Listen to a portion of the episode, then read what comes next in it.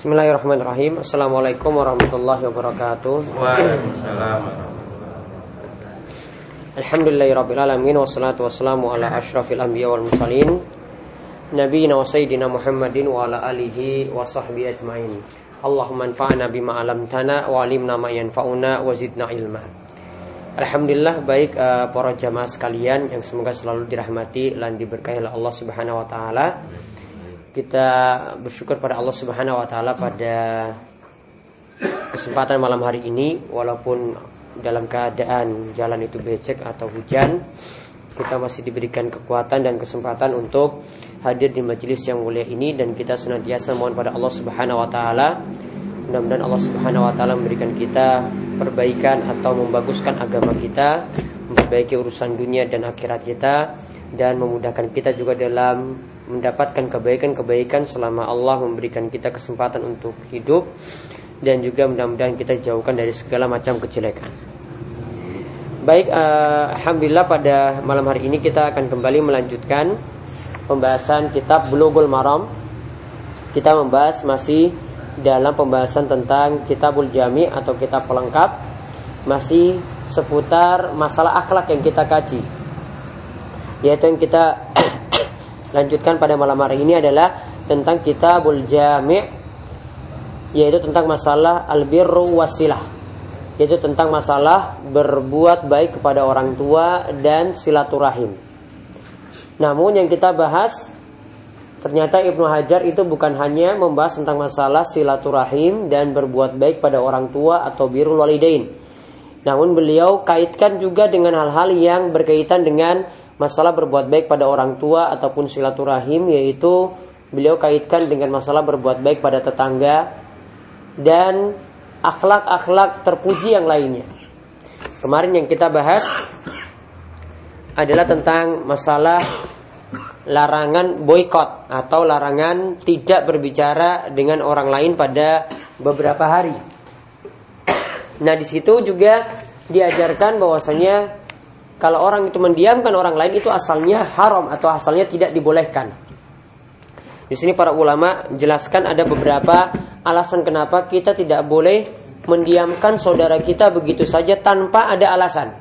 Kalau kemarin yang kita sebutkan itu ada alasan, bisa jadi saudara kita itu punya masalah dengan kita dalam masalah akhlak yang kurang baik atau dalam masalah muamalah yang kurang baik atau mungkin masalah utang yang dia itu malas untuk lunasi atau mungkin yang lebih parah daripada itu dia uh, mesti kita tegur setelah kita nasihati tapi juga tidak mempan atau tidak uh, kena nasihat kita tersebut ketika dia itu keliru dalam masalah agama.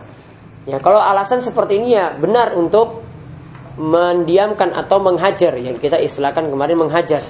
Namun asalnya para ulama katakan menghajar atau mendiamkan orang lain itu tidak dibolehkan.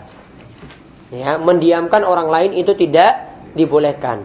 Di sini saya sebutkan beberapa alasan kenapa mendiamkan orang lain itu tidak dibolehkan. Alasan pertama, karena akan membuat orang yang didiamkan itu akan sulit untuk melakukan kebaikan. Begitu juga dengan orang yang mendiamkan tersebut. Pokoknya di antara dua pihak tersebut sulit untuk melakukan kebaikan apa pun.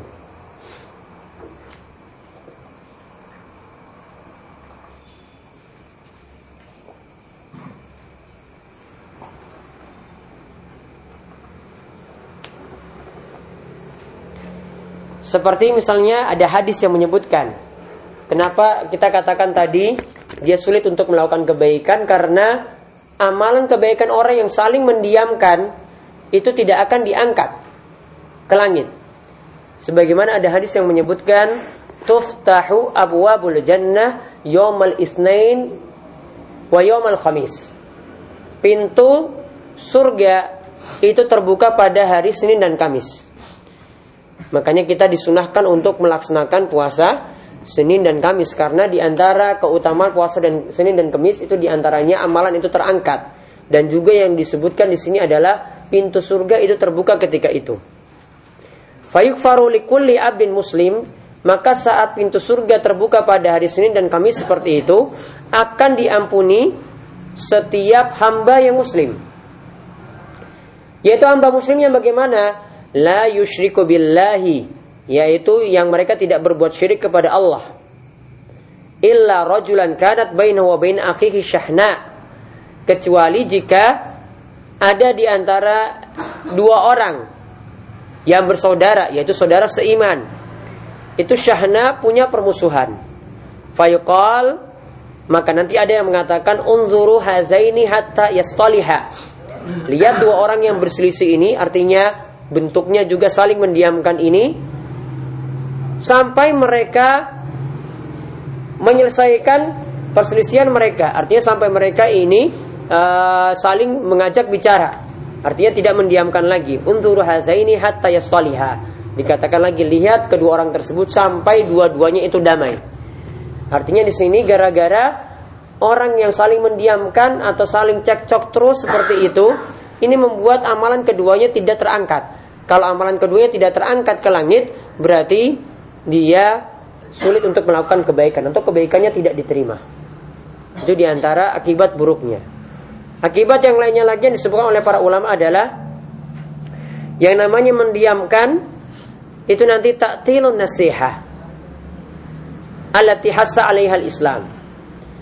Itu nanti akan menihilkan saling menasihati satu dan yang lainnya.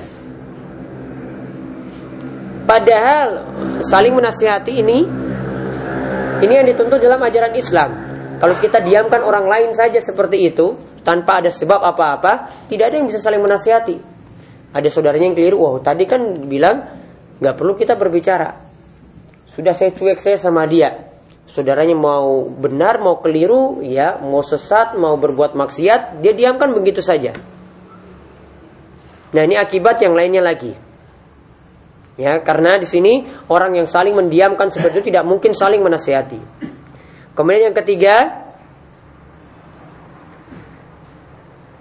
akan meniadakan kewajiban menunaikan kewajiban antara sama muslim gara-gara saling memboikot, gara-gara saling mendiamkan itu ya, yang namanya kewajiban sama muslim itu nanti jadi ditiadakan. Contohnya kemarin yang kita sebutkan di awal awal membahas kitabul jami di sini tentang masalah akhlak di sini ya. Hak muslim ala muslim situn. Hak sama muslim itu ada enam. Ya di antaranya apa? Menjawab salamnya. Di antara lagi menjawab bersihnya ketika dia mengucapkan alhamdulillah. Di antaranya lagi mengunjungi dia ketika sakit. Di antaranya lagi mengiringi jenazahnya. Di antaranya lagi saling menasehati. Ketika diminta nasihat kemudian dia menasehatinya. Nah, kalau saling mendiamkan seperti itu, akhirnya yang wajib di sini sama muslim tadi ini menjadi tidak dilakukan. Saudaranya bersin, wah dia tadi kan ingin mendiamkan, tidak dia jawab. Ya saudaranya ucapkan salam, ya tidak dia jawab lagi. Ya saudaranya sakit, padahal butuh untuk dikunjungi, butuh untuk diberi semangat, tidak datang lagi. Ya, ini gara-gara akibat tidak berbicara atau memboikot saudaranya seperti itu.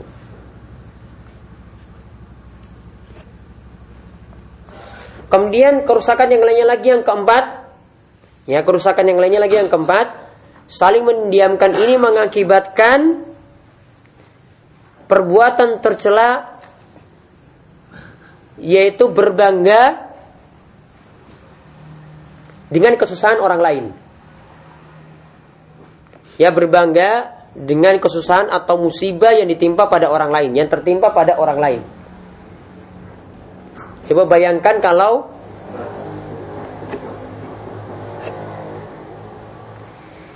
yang keempat ya gara-gara mendiamkan ini mengakibatkan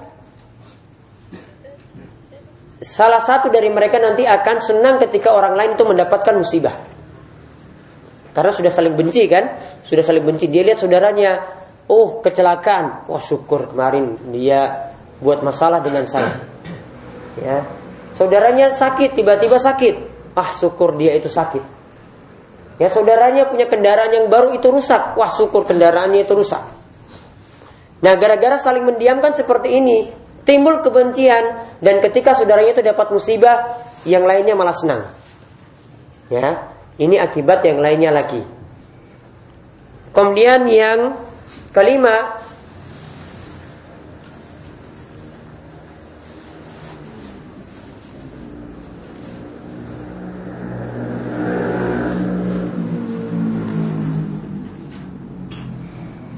Gara-gara mendiamkan ini juga bisa memutuskan hubungan keluarga atau bahkan dengan orang tuanya sendiri.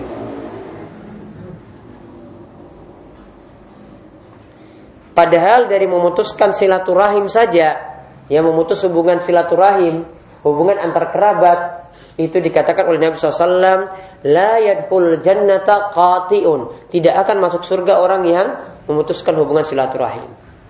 Coba kalau ini dia lakukan dengan orang yang paling dekat tanpa ada sebab apa-apa atau sebabnya itu pokoknya tidak masuk akal.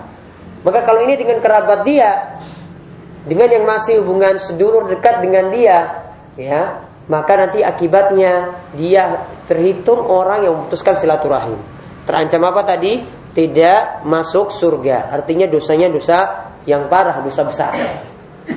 Ya makanya gara-gara mendiamkan seperti itu, ya tanpa ada sebab apa-apa akibatnya besar. Kemudian yang akibat yang terakhir gara-gara mendiamkan yang disebutkan oleh para ulama adalah gara-gara mendiamkan itu nanti membuat lisan atau omongan kita lebih mudah mencela atau menjelek-jelekan orang lain. Lebih mudah mencela atau menjelek-jelekan orang lain. Nanti lihat saudaranya misalnya punya kebaikan, dia ejek, dia celah. Gara-gara awalnya memang benci. Awalnya tadi tidak mau berbicara ketika itu. Bahkan bisa sampai menyebarkan aib saudaranya. Kalau tadi ya dia celah, ini ditambah lagi kalau saudaranya punya aib dia sebar. Ya, saudaranya itu punya aib, mungkin dulu dia bertobat dari aib tersebut, dari maksiat tersebut, dari kejelekan tersebut, dia sebar. Kadang dengan penuh kedustaan atau kadang juga ada yang jujur. Namun tetap nanti akan kita lihat ada hadis yang menyebutkan seorang muslim wajib menutup aib saudara muslim yang lainnya. Nabi SAW katakan man satara musliman satarallahu fid dunya wal akhirah. Siapa yang menutup aib saudaranya maka Allah akan menutup aibnya di dunia dan di akhirat.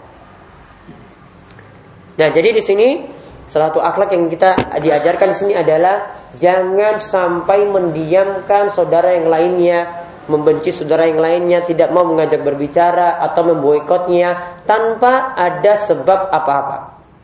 Yang dibolehkan jika punya sebab yang syar'i, baik itu berkaitan dengan hal dunia ataupun lebih-lebih berkaitan tentang hal agama. Tujuannya ingat, tujuannya supaya saudara kita yang tadi jelek dalam masalah dunia ataupun jelek dalam masalah agamanya bisa jadi baik. Maka didiamkan seperti itu. Nah, kemudian kita lihat selanjutnya lagi hadis dari Jabir radhiyallahu anhu. Ia berkata bahwasanya Rasulullah SAW bersabda, "Kullu ma'rufin sadaqah." Ini sudah ya? Kullu ma'rufin sadaqah. Setiap perbuatan ma'ruf, setiap perbuatan baik itu adalah sedekah. Dan kemarin kita sudah sebutkan yang namanya ma'ruf, perkara ma'ruf itu adalah segala sesuatu yang mendatangkan manfaat bagi orang lain. Ya, segala sesuatu yang mendatangkan manfaat bagi orang lain. Segala sesuatu perbuatan yang itu mendatangkan manfaat pada orang lain dinilai sodakoh. Walaupun walaupun itu cuma menolong saudaranya yang ingin naik kendaraan kemudian dia bantu. Atau ada barang yang ingin saudaranya itu naikkan kemudian dia bantu juga ketika itu. Atau menyingkirkan duri dari jalanan menyingkirkan gangguan dari jalanan itu juga dihitung sedekah. Karena setiap perbuatan yang mendatangkan manfaat atau tidak menyakiti orang lain itu adalah sedekah. Kemudian hadis yang berikutnya hadis dari Abu Dzar radhiyallahu anhu. Ya ini belum ya? Belum. Yaitu tentang masalah masih akhlak yang mulia yaitu disunahkan berwajah berseri ketika berjumpa dengan orang lain. Disunahkan berwajah berseri ketika berjumpa dengan orang lain. Hadisnya dari Abu Zar radhiyallahu anhu ia berkata, bahwasanya Rasulullah SAW itu bersabda la tahkiranna minal ma'rufi syai'a walau antalqa akhaka biwajhin talqin Rasulullah SAW itu bersabda la tahkiranna janganlah remehkan. Minal ma'rufi syai'a. Perbuatan baik sedikit pun. Perbuatan baik apa pun jangan diremehkan. Ini umum ya. Perbuatannya di sini bisa jadi dengan lisan. Amalan zikir yang ringan-ringan. Bisa jadi dengan amalan perbuatan. Ya, bisa jadi nanti kita lihat di sini. Dengan senyuman. Nabi SAW melanjutkan walau antalqa akhaka biwajhin talak. Walaupun kalau dikatakan di sini walaupun berarti sesuatu yang sedikit. Kalau dikatakan tadi janganlah meremehkan suatu perbuatan kebaikan lalu dikatakan walau ya walau antalqa Walaupun berarti di sini sesuatu yang sedikit. Walaupun dengan perkara yang sedikit seperti ini yaitu apa? Antalqa akhaka biwajhin talak. Yaitu engkau ketika bertemu dengan saudaramu berwajah manis, berwajah tersenyum, berwajah ceria. Walaupun mungkin ketika itu sedang ada dalam keadaan penuh kesulitan. Namun tetap berwajah manis di hadapan orang lain. Ingat sekali lagi, Nabi katakan dengan kalimat walau antalqa. Berarti kalau yang disebutkan sebelumnya itu umum perkara baik apa pun jangan diremehkan walaupun di sini dengan perkara yang ringan. Berarti berwajah manis di hadapan orang lain ini adalah perkara yang ringan. Nah, di sini kita bisa ambil faedah dari hadis ini yaitu tentang wajah yang berseri tadi. Ya di sini bisa jadi maknanya adalah wajah yang dohikah, dohikah, wajah yang tertawa, ya dalam keadaan tertawa. Kemudian dalam keadaan tersenyum manis. Ya itu yang dimaksudkan dengan wajah yang tolak tadi, yaitu wajah yang berseri tadi. Jadi bukan dalam keadaan cemberut terus.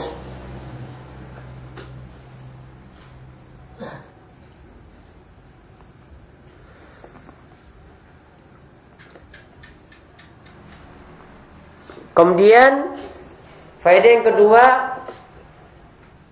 dengan wajah berseri saat bertemu sudah dihitung sebagai kebaikan. Wajah berseri saja yang ringan seperti itu sudah termasuk ma'ruf perbuatan kebajikan.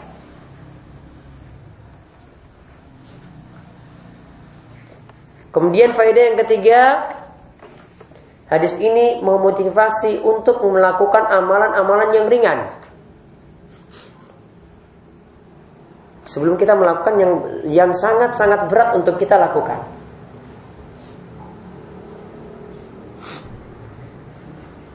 Makanya di antara doa yang Nabi SAW itu ajarkan, ya, ada satu doa yang Nabi SAW ajarkan supaya kita untuk perkara-perkara yang, yaitu perkara-perkara yang punya nilai besar, itu jangan sampai kita punya semangat yang lemah untuk melakukannya. Namun kalau dari hadis ini kita lihat, kita diajarkan dari perkara yang ringan terlebih dahulu. Namun ada doa yang bisa membantu kita ketika kita ingin uh, dimudahkan supaya bisa melakukan amalan-amalan kebajikan yang nilainya itu besar seperti jihad seperti menuntut ilmu ini perkara-perkara yang besar. Makanya Nabi SAW itu pernah berdoa ya dan Ibnu Hajar dalam Bulughul Maram itu memasukkannya pada doa di akhir sholat. Ibnu Hajar dalam Bulughul Maram itu memasukkannya pada doa di akhir sholat. Yaitu di antara isi doa tersebut adalah Allahumma inni a'udzubika minal ajzi wal kasali wal jubni. Ya, ya Allah, aku meminta perlindungan kepadamu dari ketidakmampuan. Ya Allah, aku meminta perlindungan kepadamu dari sifat malas. Intinya yang terakhir ini yang saya sebutkan. Ya Allah, aku minta perlindungan kepadamu dari sifat juben. Sifat juben itu apa? Kalau pengertian secara bahasanya itu artinya pengecut ketika di medan perang. Orang yang lari dari medan perang itu disebut sifatnya juben. Namun para ulama katakan sifat juben ini adalah sifat di mana orang itu enggan melakukan amalan-amalan yang mulia. Amalan-amalan yang besar, amalan-amalan yang tinggi. Yaitu seperti jihad ataupun perkara-perkara besar yang lainnya. Cita-cita yang besar, cita-cita yang tinggi.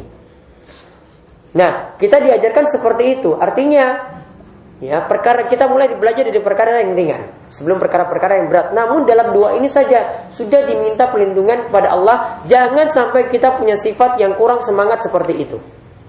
Ya, maka nanti cari doa-doa yang isinya seperti tadi. Allahumma ini a'udzubika minal ajaz, ya, wa a'udzubika minal kasal, wa a'udzubika minal jubn. Nah, tiga sifat ini sebenarnya hampir mirip. Tadi ketidakmampuan. Ketidakmampuan ini memang benar-benar tidak mampu untuk melakukan ketaatan. Kalau yang kedua sifat kasel itu mampu sebenarnya namun malas untuk melakukannya. Mampu untuk sholat namun malas untuk sholat. Kemudian yang ketiga sifat juben. Ini lagi kurang semangat untuk perkara yang lebih besar. Ya, kita minta perlindungan pada Allah dari sifat-sifat yang tercela seperti itu. Maka dari hadis ini sudah diajarkan, kita diajarkan ya supaya berawal dari yang ringan. Ya, berawal dari yang ringan. Makanya dalam hadis-hadis yang lain Nabi SAW itu ajarkan perkara-perkara yang ringan sebelum kita diperintah perkara yang berat. Seperti misalnya tentang masalah buka puasa. Nabi SAW itu mengatakan tanda umat yang terbaik la yazalun nasu khairin ma ajjalul fitrah. Ya, manusia akan senantiasa disebut baik. Kapan disebut baik? Lakukan perkara yang ringan itu cuma menyegerakan waktu berbuka puasa. Maksudnya kalau sudah waktu tenggelamnya matahari langsung berbuka puasa. Tidak tunggu sampai waktu maghrib itu uh, azan maghrib itu rampung atau sampai sholat maghrib itu selesai atau tunggu sampai bintang-bintang di langit itu ya sampai bintang-bintang di langit itu muncul atau kegelapan malam itu baru muncul. Tidak. Namun kita diperintahkan ketika itu bersegera berbuka puasa ketika waktunya. Mulai dari perkara yang ringan. Ya tidak disuruh perkara-perkara yang berat dulu, mulai dari perkara yang ringan. Makanya di sini juga di antara dalil yang menunjukkan hendaklah kita membiasakan perkara-perkara yang ringan terlebih dahulu sebelum perkara-perkara yang berat. Contohnya saja misalnya ketika kita mau tidur. Coba biasakan untuk berwudu terlebih dahulu sebelum tidur. Ini perkara yang ringan. Baca doa lagi sebelum tidur. Ini perkara yang ringan daripada kita melakukan sholat malam. Daripada kita melakukan sholat dua. Itu butuh usaha yang keras. Namun ini cuma berwudu. Sama seperti kita cuma kumur-kumur sebelum tidur. Ya, ibaratnya seperti itu. Namun ini kita lebih sempurna lagi dengan melakukan wudhu ketika itu. Ini salah satu yang disunahkan.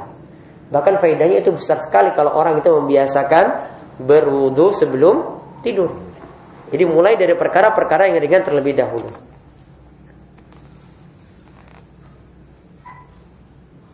Kemudian di sini juga menunjukkan kita diperintahkan melakukan kebaikan. Kita diperintahkan untuk semangat melakukan kebaikan terutama yang berkaitan dengan orang lain. Karena di sini berwajah manis ini berkaitan dengan orang lain. Maka setiap perbuatan kebaikan yang e, berkaitan dengan orang lain, bahkan untuk menolong mereka, kita diberikan motivasi untuk melakukannya. Sifat seorang muslim itu seperti itu, selalu menolong atau selalu membantu saudaranya yang lainnya.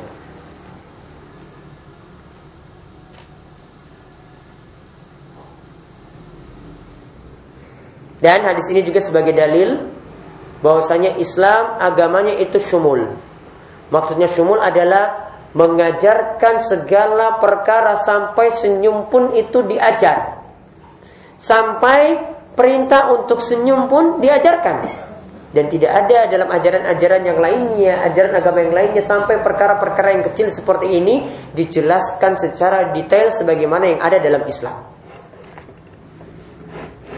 Jadi kita bersyukur ya kepada Allah Subhanahu wa taala kita diberikan nikmat Islam seperti itu sehingga kita bisa melakukan amalan-amalan yang yang mulai dari amalan yang ringan sampai amalan yang besar ya dan mulai dari akhlak yang itu ringan terhadap sama sampai akhlak yang yang nilainya juga pahalanya itu besar, semuanya telah terdapat dalam agama kita.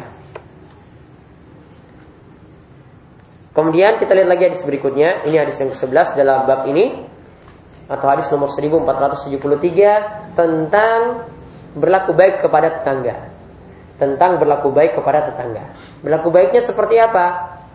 Nah, ini disebutkan dalam hadis sama seperti hadis sebelumnya yaitu hadis dari Abu Dzar. Sama ini adalah hadis dari Abu. Maaf sebelumnya Iya. Jadi jubun itu ber- bukan berarti penakut. Sebagian ulama katakan makna asalnya penakut. Makna asalnya penakut. Namun mereka luaskan maknanya lagi.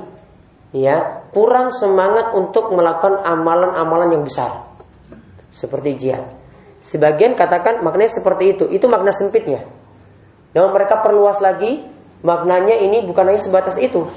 Namun ini juga mencakup ya segala sesuatu yang besar yang dia kurang semangat untuk melakukannya. Ya, jadi di situ. Itu diterangkan juga doa ini diterangkan dalam Bulughul Maram sebenarnya. Ketika pembahasan yang tadi saya sebutkan eh, doa di akhir sholat ada di bab sholat sifat sholat Nabi di Bulughul Maram ini diterangkan tentang doa ini. Kemudian ya, kemudian kita lihat hadis yang berikutnya hadis Abu Zar. Ini sekarang tentang berbuat baik kepada tetangga. Ini juga sama nanti kalau tadi cuma dengan senyum. Ini juga berbuat baik kepada tetangga dengan amalan yang ringan. Lihat apa yang Nabi SAW ajarkan. Rasulullah SAW itu pernah bersabda, "Iza tobakta marokatan." Jika engkau tobak itu maksudnya memasak, ya.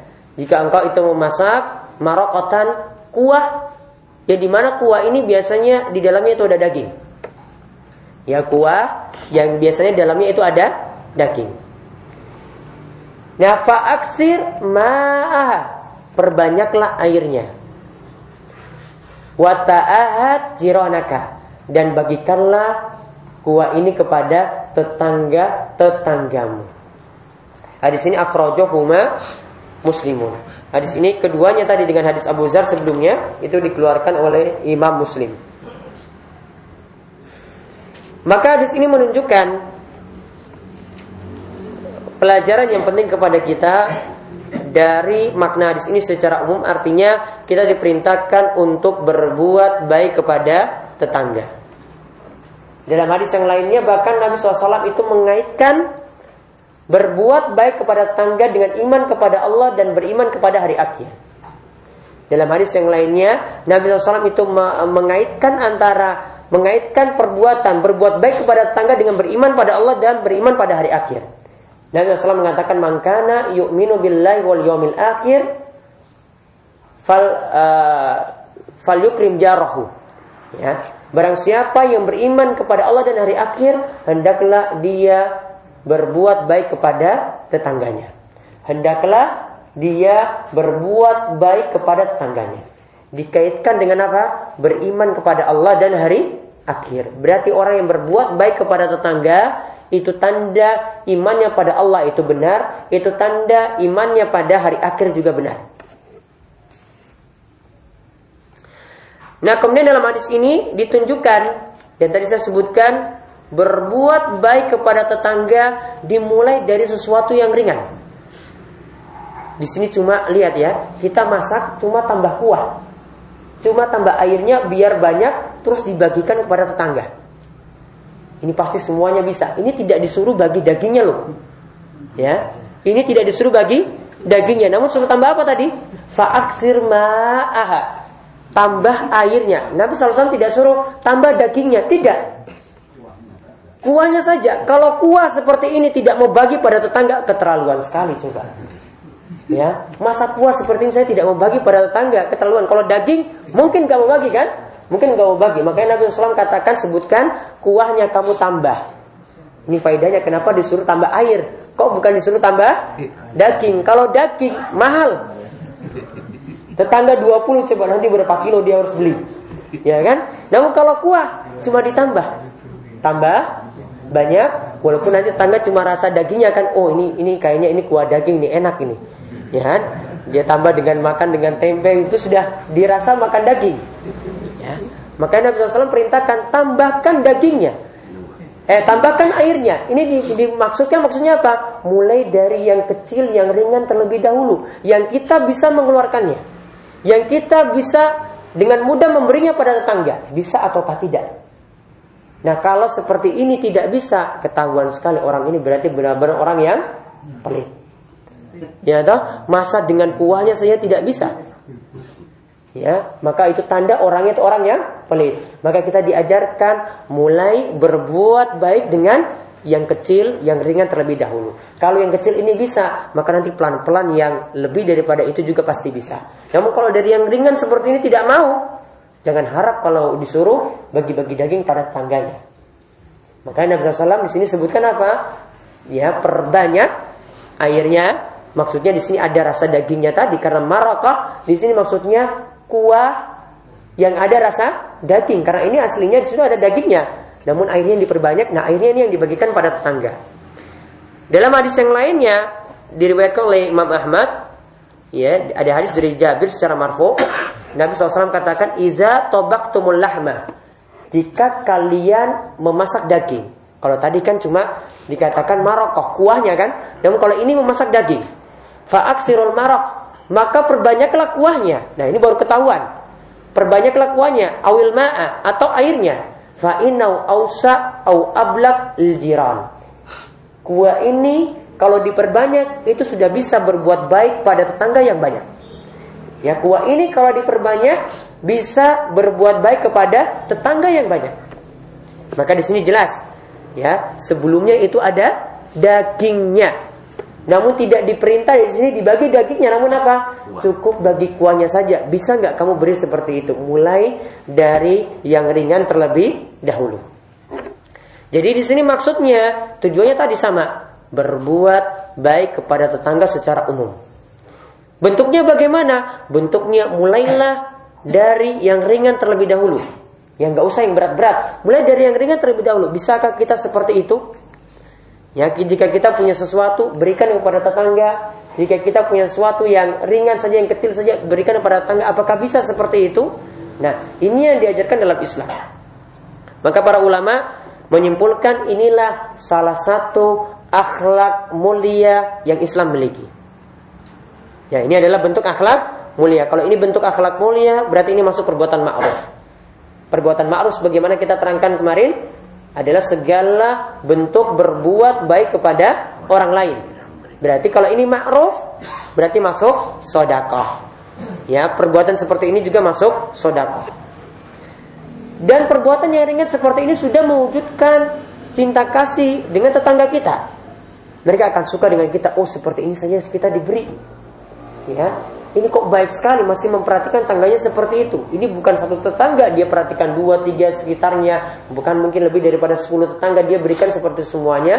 Padahal mungkin untuk dirinya sendiri, ya dia berat mungkin atau dia merasa bahwasanya itu biasa-biasa saja, tapi dia tetap mau berbuat baik kepada orang lain seperti itu. Kemudian para ulama kiaskan tentang masalah memberikan hadiah.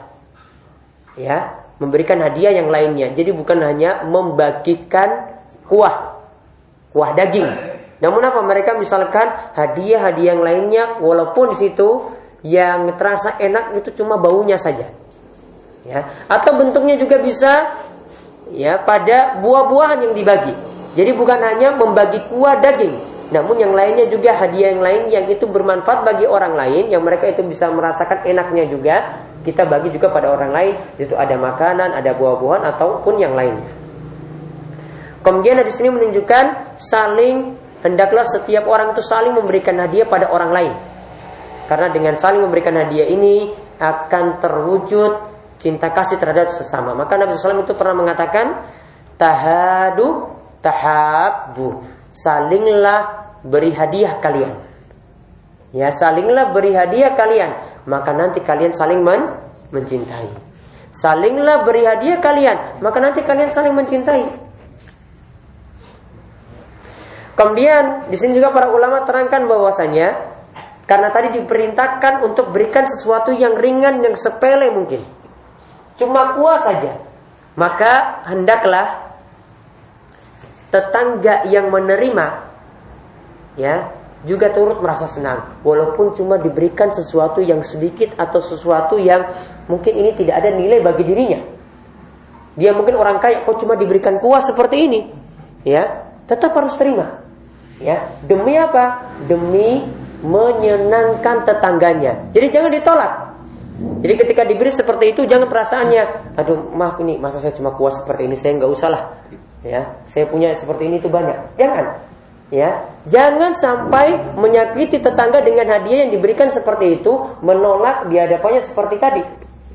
Namun apa? Hendaklah dia terima, ya mungkin nanti dia makan ketika nanti dalam rumah atau menyuruh anak-anaknya makan atau mungkin yang lainnya ya untuk menyantapnya pun bisa mungkin ada pembantunya di situ yang penting dia terima terlebih dahulu jangan hadiah yang ringan seperti ini dia tolak mentah-mentah ya jangan hadiah yang ringan seperti ini dia tolak mentah-mentah Ya ini yang diajarkan dalam hadis ini.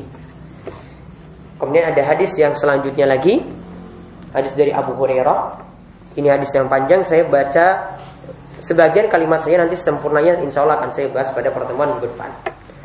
Yaitu hadis ini uh, berisi poin-poin atau pembahasan kita diperintahkan untuk menutup aib saudara kita, untuk menolong saudara kita, untuk menolong orang yang susah. Ya, intinya di sini diajarkan tentang adab-adab berbuat baik terhadap sesama. Hadisnya adalah dari Abu Hurairah. Hadis ini diriwayatkan oleh Imam Muslim. Ia berkata bahwasanya Rasulullah SAW bersabda, "Man nafasa an mu'minin kurbatan min kurabid dunya, nafasallahu anhu kurbatan min kurabi yaumil qiyamah." Siapa yang memberikan keringanan an mu'minin, siapa yang melepaskan ya kurbatan kesusahan dari seorang mukmin. Siapa yang melepaskan kesusahan dari seorang mukmin? Min dunia dari kesusahan dunia yang dia miliki, nafasallahu anhu kurbatan min kurabi yaumil qiyamah. Maka Allah akan menghilangkan kesusahannya pada hari kiamat. Kemudian Nabi SAW mengatakan wa may yassara ala musiri yassarallahu alaihi fid dunya wal akhirah. Siapa yang memberikan kemudahan kepada orang yang susah, maka Allah akan memberikan kemudahan baginya di dunia dan di akhirat. Wa man satara musliman satarallahu fid dunya wal akhirah. Yang ketiga, ya, barang siapa yang menutup aib saudaranya yang muslim, maka Allah akan menutup aibnya di dunia dan di akhirat. Kemudian yang terakhir, Nabi SAW itu mengatakan, Wallahu fi aunil abdi makanal abdu fi auni akhi. Yaitu Allah akan senantiasa menolong seseorang. Selama dia menolong saudaranya. Hadis ini diriwayatkan oleh Imam Muslim. Maka yang pertama di sini, di sini ada empat adab yang diajarkan, empat kebaikan yang diajarkan oleh Islam. Yang pertama yang diajarkan di sini adalah kita diperintahkan untuk menolong orang yang susah. Dan di sini dikatakan di sini man nafasa an. Siapa saja yang menghilangkan kesusahan dari seorang mukmin. Kok tidak dikatakan orang kafir? Ya, kok tidak dikatakan non muslim? Ini menunjukkan kalau Nabi SAW khususkan orang mukmin, ini menunjukkan kita hendaklah menolong orang mukmin itu lebih kita dahulukan daripada yang lain. Orang beriman, orang muslim itu lebih kita dahulukan daripada yang lain. Walaupun tetap kita boleh berbuat baik, artinya membantu, artinya menolong non muslim yang susah. Namun lebih ditekankan kita berbuat baik pada orang beriman pada sesama muslim. Ya, di sini tidak menafikan sama sekali, tidak meniadakan sama sekali berbuat baik kepada non muslim tidak tetap masih dibolehkan. Keutamaannya apa? Keutamaannya dikatakan di sini sesuai dengan amalan yang dia lakukan. Maka para ulama katakan di sini hadis ini menunjukkan al jazau min jinsil amal. Balasan itu dilihat dari amal perbuatan. Dia akan menghilangkan kesulitan. Maka Allah balas nanti dia akan dihilangkan kesulitan pada hari kiamat. kok di sini cuma dibalas pada hari kiamat saja kok tidak di dunia? Di sini tidak menafikan dia nanti akan ditolong juga di dunia, tidak dimaksudkan seperti itu. Ya, maksudnya di sini tetap di dunia akan ditolong. Namun kenapa disebutkan hari kiamat? Karena kesusahan pada hari kiamat lebih berat daripada kesusahan di di dunia. Sehingga Nabi SAW cuma menyebutkan ya nafasallahu anhu kurbatan min qurabi yaumil kiamat. Allah nanti akan menghilangkan kesulitan bagi dirinya pada hari kiamat. Ini bukan berarti dunia tidak akan ditolong. Di dunia juga tetap ditolong, namun lebih-lebih lagi pada hari kiamat ini lebih ditolong lebih utama karena kesusahannya lebih besar pada hari kiamat. Dan ini penggaran terakhir yang saya sebutkan pada hari ini yaitu wa ala mu'siri yasrallahu alaihi fid dunya wal akhirah. Siapa yang memberi kemudahan pada orang yang susah, maka Allah akan memberikan dia kemudahan di dunia dan di akhirat. Orang yang susah di sini ya maksudnya apa? Di sini orang yang susah secara umum. Ada yang kena penyakit ditolong. Ada yang kena musibah ditolong. Termasuk juga di sini yang lebih ditekankan lagi oleh para ulama orang yang berutang kepada kita. Hendaklah ditolong juga dengan memberikan tenggang waktu. Ketika dia susah, saat itu belum mampu untuk mengembalikan, berilah tenggang waktu lagi dan memberi tenggang waktu di sini hukumnya wajib. Ya, memberi tenggang waktu bagi orang yang meminjam utang di sini hukumnya wajib. Kalau memutihkannya ini masalah lain, memutihkannya juga diperintahkan. Namun yang lebih diwajibkan di sini adalah memberikan tenggang waktu pada orang yang susah untuk melunasi utang. Karena Allah katakan dalam surat Al-Baqarah ayat 280, "Wa in kana usratin fanaziratun ila maisarah." Jika yang berutang itu adalah orang yang susah, maka berilah tenggang waktu sampai waktu yang dimudahkan. Waktu yang dimudahkan itu kapan? Itu sampai dia misalnya satu bulan ke depan baru uangnya itu ada. Ya sudah beri tenggang waktu sampai waktu tersebut. Dan di sini para ulama katakan memberi tenggang waktu di sini hukumnya wajib. Karena kita menolong orang yang susah. Beda kalau ini orang yang mudah untuk melunasi utang punya harta untuk melunasi utang, ya, maka ketika itu ya kita bisa menyuruh dia untuk segera melunasi. Namun kalau ini orang yang susah, orang miskin, ya, maka sudah sering kali saya katakan bahwasanya meminjamkan uang itu sudah separuh memberikan harta kita atau separuh bersodakoh. Ini kalau kita mengutangkan pada orang yang susah.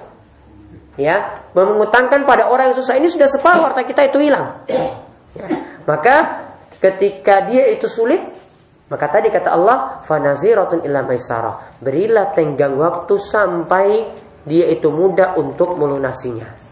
Ya, jadi hadis ini jadi dalil ya kita diperintahkan untuk memberikan kemudahan bagi orang yang susah. Orang yang susah di sini umum sifatnya.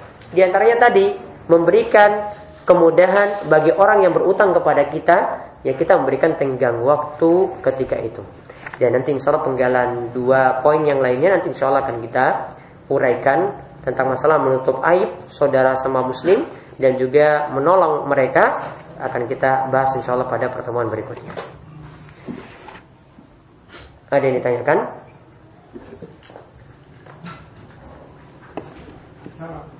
Iya, mungkin Pak. Orang, orang yang pelit tapi punya harta yang cukup melimpah dan punya bidang tanah kurang lebih seribu meter punya ahli waris.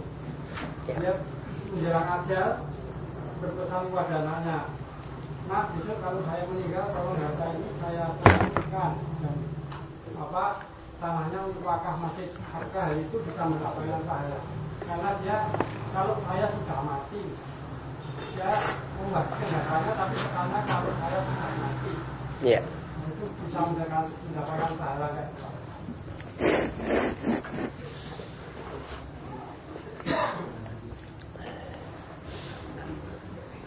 Ketika dia masih hidup berarti tidak punya niatan untuk sedekah apa-apa. Ya. Dalam menyalurkan harta, saya sudah pernah sebutkan bahwasanya kita menyalurkan nanti pada tiga tempat. Ya ingat kita menyalurkan pada tiga tempat. Tiga tempat ini ini secara berurutan. Yang pertama untuk nafkah keluarga. Hukumnya apa untuk menyalurkan untuk nafkah keluarga? wajib. Kemudian yang kedua, harta yang ada jika telah memenuhi haul satu tahun bertahan harta tersebut ya dan telah memenuhi nisab maka dikenakan zakat. Zakat dari mata uang, emas, perak itu dua setengah persen, termasuk juga zakat dari barang dagangan. Ini yang kedua. Kemudian yang ketiga adalah untuk sodakoh. Sodakoh yang apa? Sifatnya sunnah. Ini dilakukan setelah apa? Nafkah ditunaikan, setelah zakat ditunaikan, baru perhatikan yang sunnah. Ya, baru diperhatikan yang sunnah ketika itu. Nah, untuk orang yang sudah tepat menyalurkan yang pertama untuk nafkah yang wajib, untuk zakat sudah salurkan, maka dia hendaklah atau dia disunahkan atau dianjurkan untuk menyalurkan untuk yang ketiga, untuk sedekah-sedekah yang sunnah. Kalau dia pelit-pelit seperti ini, ya dikatakan dia itu orang yang mumsik, enggan mengeluarkan hartanya untuk jalan kebaikan. Maka ingat, setiap pagi, ya, ini setiap pagi ada dua malaikat yang punya tugas untuk berdoa. Jadi malaikat itu tugasnya macam-macam. Dan sebenarnya malaikat itu bukan hanya sepuluh. Ya, malaikat itu tugasnya macam-macam dan malaikat itu bukan hanya sepuluh. Ada malaikat yang tidak diketahui namanya dan punya tugas juga, yaitu di pagi hari cuma doakan pada orang yang rajin sodakoh. Malaikat pertama itu berdoa, ya, Allahumma a'ti munfiqan khalafan. Ya Allah berikanlah ganti pada orang yang rajin sodakoh. Berikanlah ganti kepada dia. Hartanya tolong diganti. Malaikat yang berdoa, kalau malaikat yang berdoa itu berbeda dengan yang lainnya. Malaikat yang berdoa ini adalah doa yang mustajab. Ini berarti motivasi kepada kita untuk rajin sodakoh. Namun di sini bukan hanya sodakoh yang dimaksudkan sodakoh sunnah. Namun Imam Nawawi uh, menyebutkan dalam kitab Riyadus Solihin, beliau maksudkan dengan hadis ini adalah sodako yang wajib yaitu untuk nafkah zakat terlebih dahulu yang dimaksudkan untuk hadis ini. Artinya kalau dia sudah tunaikan yang nafkah yang wajib tadi, zakat, barulah tunaikan sodako yang sunnah. Maka dia nanti akan didoakan oleh malaikat, mudah-mudahan hartanya diganti. Yang kedua, malaikat yang kedua itu berdoa di pagi hari, Allahumma a'ti mumsikan talafan. Ya Allah, berikanlah kebangkrutan. Ya, lihat ya, kebangkrutan. Talafan itu maksudnya artinya hancur. Namun bahasa bahasa kasarannya ya kebangkrutan. Ya Allah, berikanlah kebangkrutan pada orang yang pelit. Orang yang pelit itu macam-macam. Orang yang pelit itu ada yang punya harta, dia salurkan juga. Namun yang wajib tidak dia salurkan, nafkah yang wajib tidak, zakat tidak, namun untuk foya-foya. Ini namanya orang yang pelit, didoakan bangkrut. Makanya biasanya kalau orang itu uh, salurkan hartanya untuk yang haram-haram, untuk foya-foya, biasanya ujung-ujungnya jadi orang yang bangkrut karena sudah didoakan oleh malaikat. Kemudian ada yang sifatnya yang pelit itu, ya yang pelit sudah yang wajib terpenuhi, ya yang nafkah terpenuhi, yang zakat terpenuhi, tapi dia pelit-pelit dia nan hartanya untuk yang sunnah. Ya, ini juga termasuk pelit ketika itu. Kalau punya kemampuannya tetap diberikan sesuai dengan kemampuannya tanpa melalaikan dari nafkah yang wajib dan tanpa melalaikan dari zakat. Ya, kalau tidak nanti masuk juga dalam doa malaikat Allahumma a'ti mumsikan talafan. Ya Allah berikanlah kebangkrutan pada orang yang pelit. Maka ya, kalau kita lihat orang seperti itu, ya, ini intinya di sini kita tidak bicarakan orang lain, pokoknya kita jangan jadi orang yang punya sifat pelit.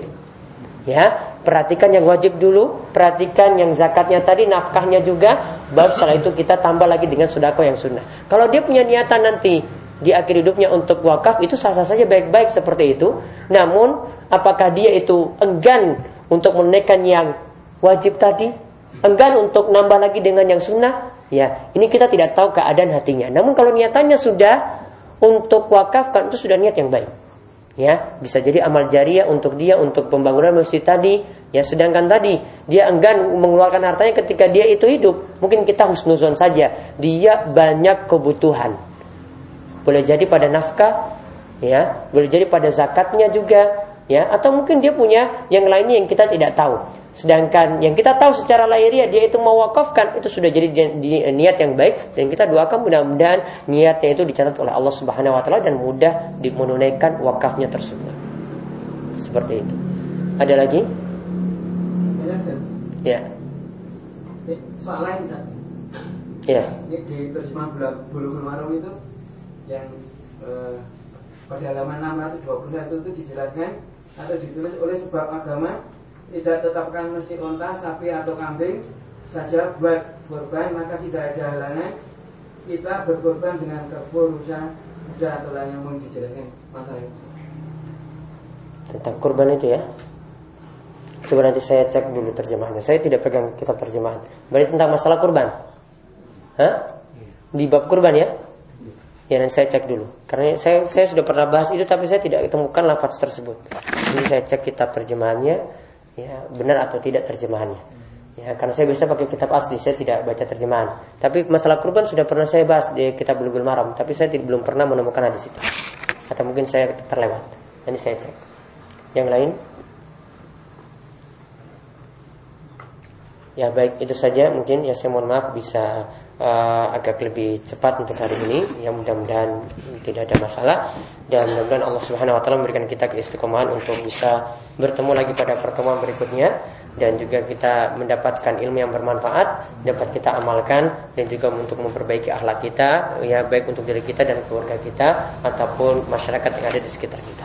Demikian ya kami tutup dengan doa kafaratul majelis. Subhanakallahumma wa bihamdika asyhadu an la ilaha illa anta astaghfiruka wa atubu ilaik.